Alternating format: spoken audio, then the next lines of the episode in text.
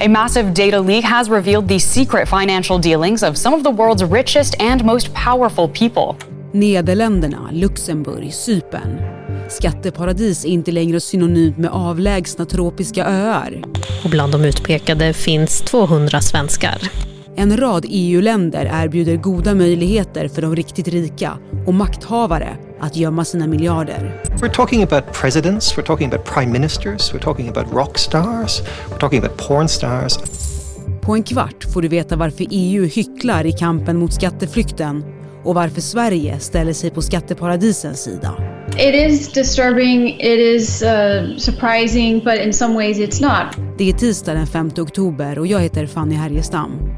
Här är dagens story från Svenska Dagbladet.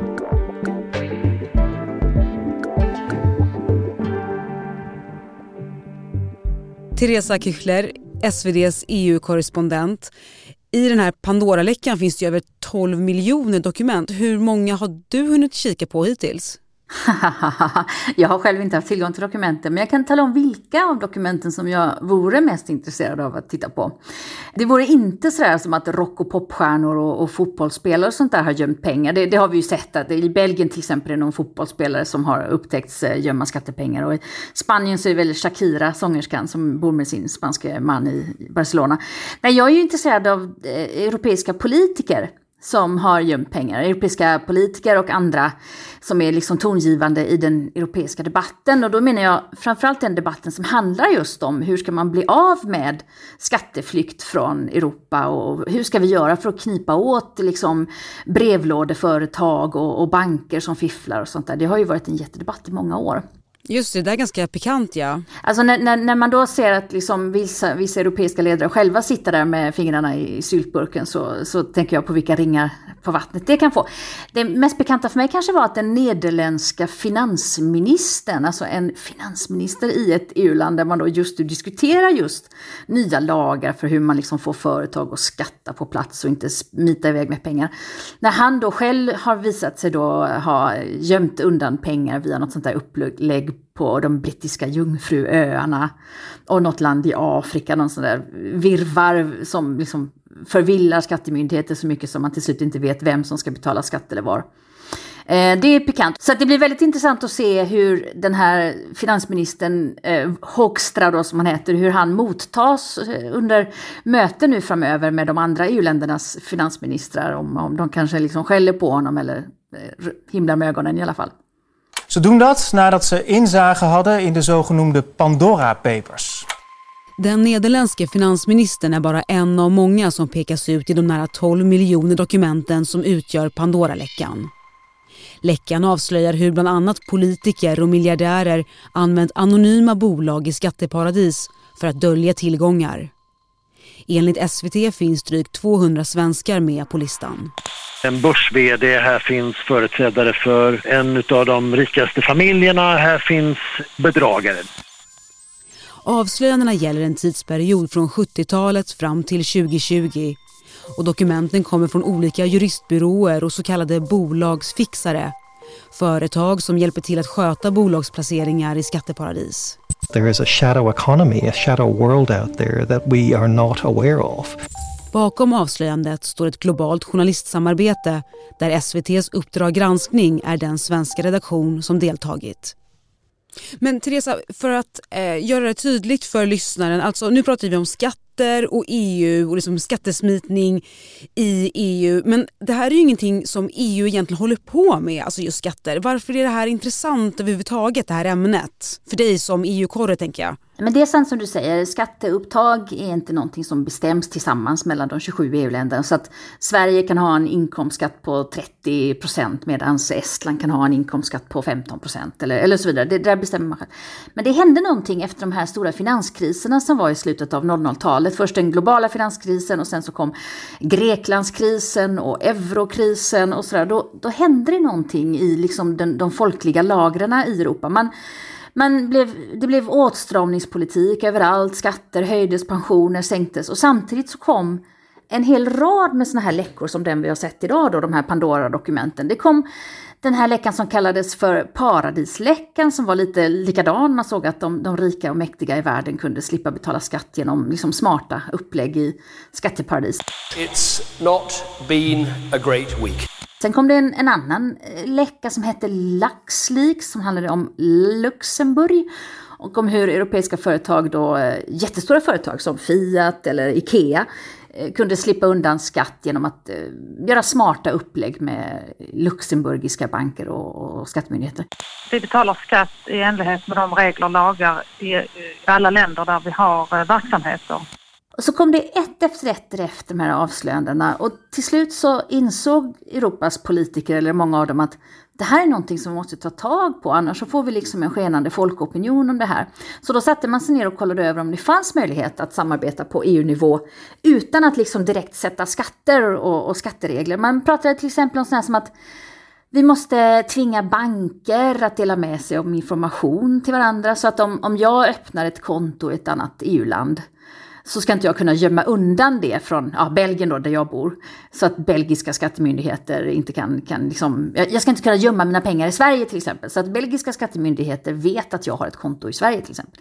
Eh, Sådana där lagar om insyn och transparens. Så att det, som sagt, det har hänt någonting de senaste tio åren på det här området. Och den här Pandora-läckan nu kommer ju bara spä på den debatten ännu mer.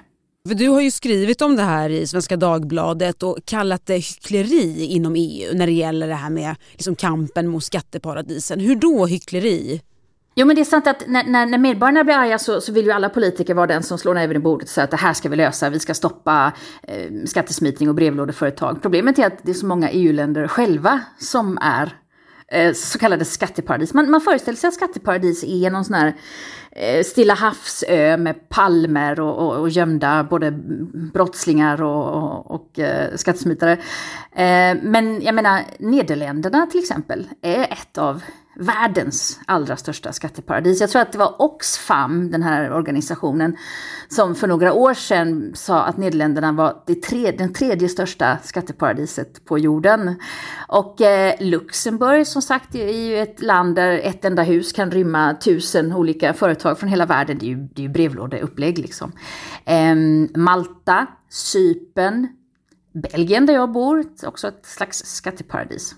Men Teresa, hur kan det vara så att det ligger skatteparadis mitt i Europa?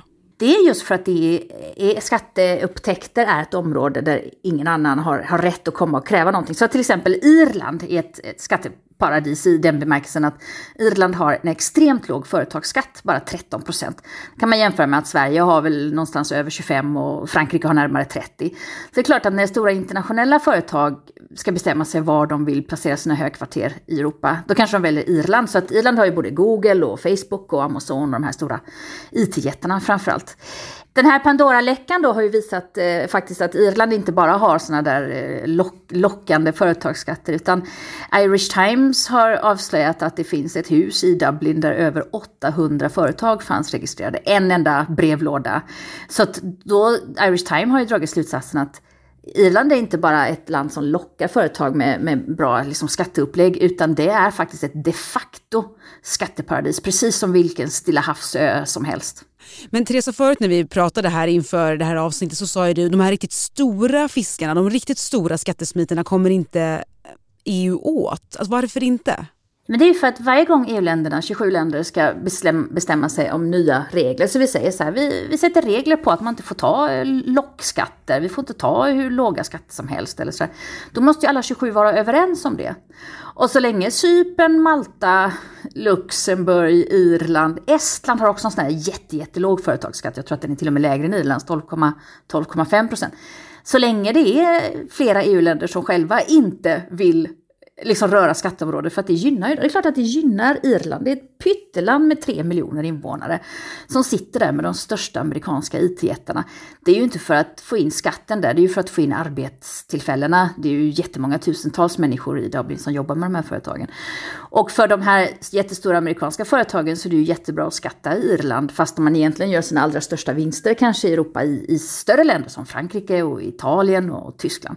Men istället så går man via Irland och kanske något brevlåde företag i någon Stilla havsö så, så är liksom alla jätteglada. More than 300 government leaders, ministers in various governments, officials in various public companies.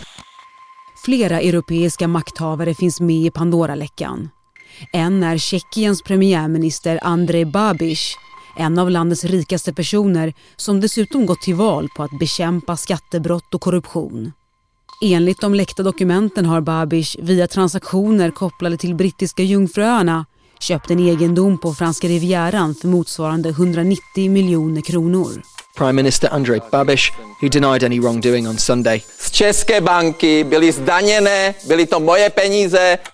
Och Ukrainas president Volodymyr Zelensky var delägare i ett produktionsbolag, också genom ett skatteparadisbolag. Och så Nederländernas själva finansminister Wopke Hoekstra som ska ha ägt ett brevlådeföretag på brittiska Jungfruöarna samtidigt som han bekämpade skatteflykt. Men du Teresa, vad säger då de andra EU-länderna om att några få är sådana paradis för företag när det gäller skatter? Men de är ju fly förbannade. En av de stora såna här, nästan korstågen som har förts från EU-kommissionens sida, EU-kommissionen då som ska lägga lagförslag och försöka driva alla de 27 länderna till att fatta gemensamma lag, lagar ihop. Men EU-kommissionen kan liksom inte bestämma men den kan pusha på så mycket den kan.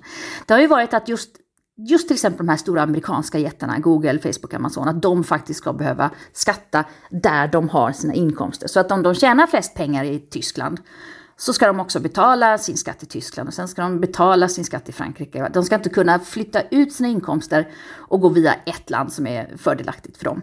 Och där finns det ganska långt gångna liksom, diskussioner om hur man skulle kunna eh, klubba en sån skatt. Och där har EU-kommissionen som driver den här frågan jättehårt, det är den här danska EU-kommissionären Margrethe Vestager som har liksom nästan seglat upp som en kändis i Bryssel för att hon är så hård just mot amerikanska jättar.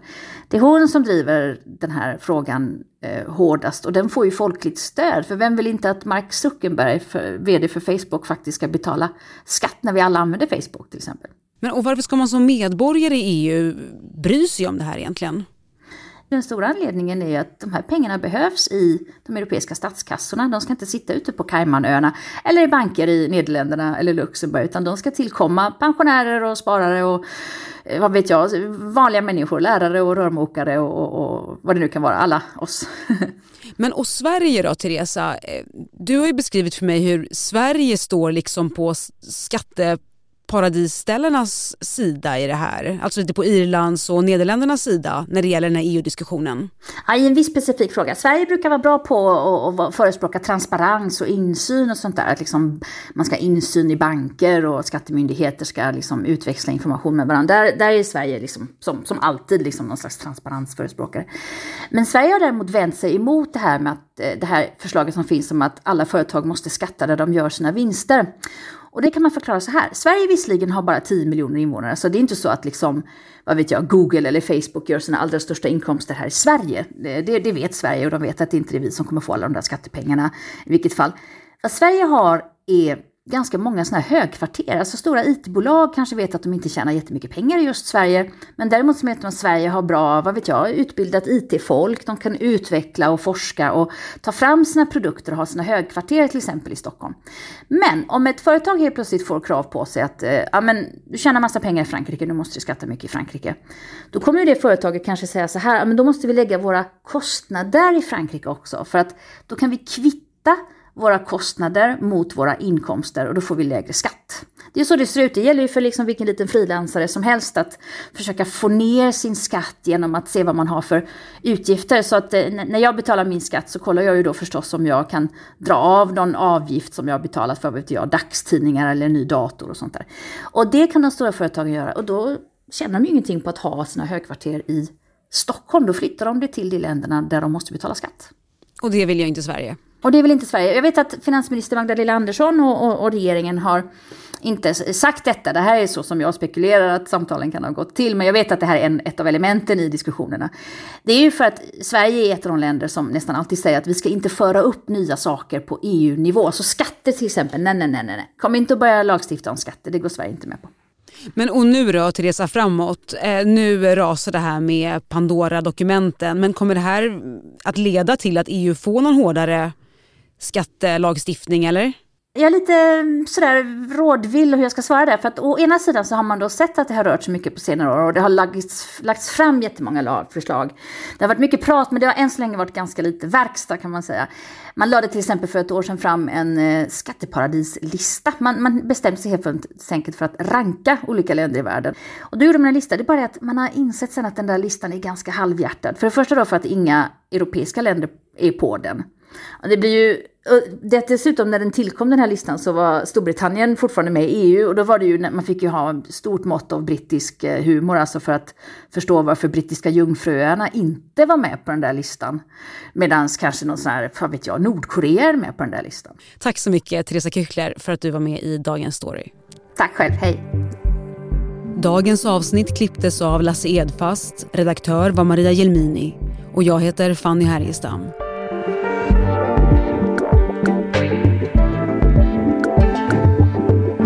Vill du kontakta oss så mejla till dagensstory.svd.se.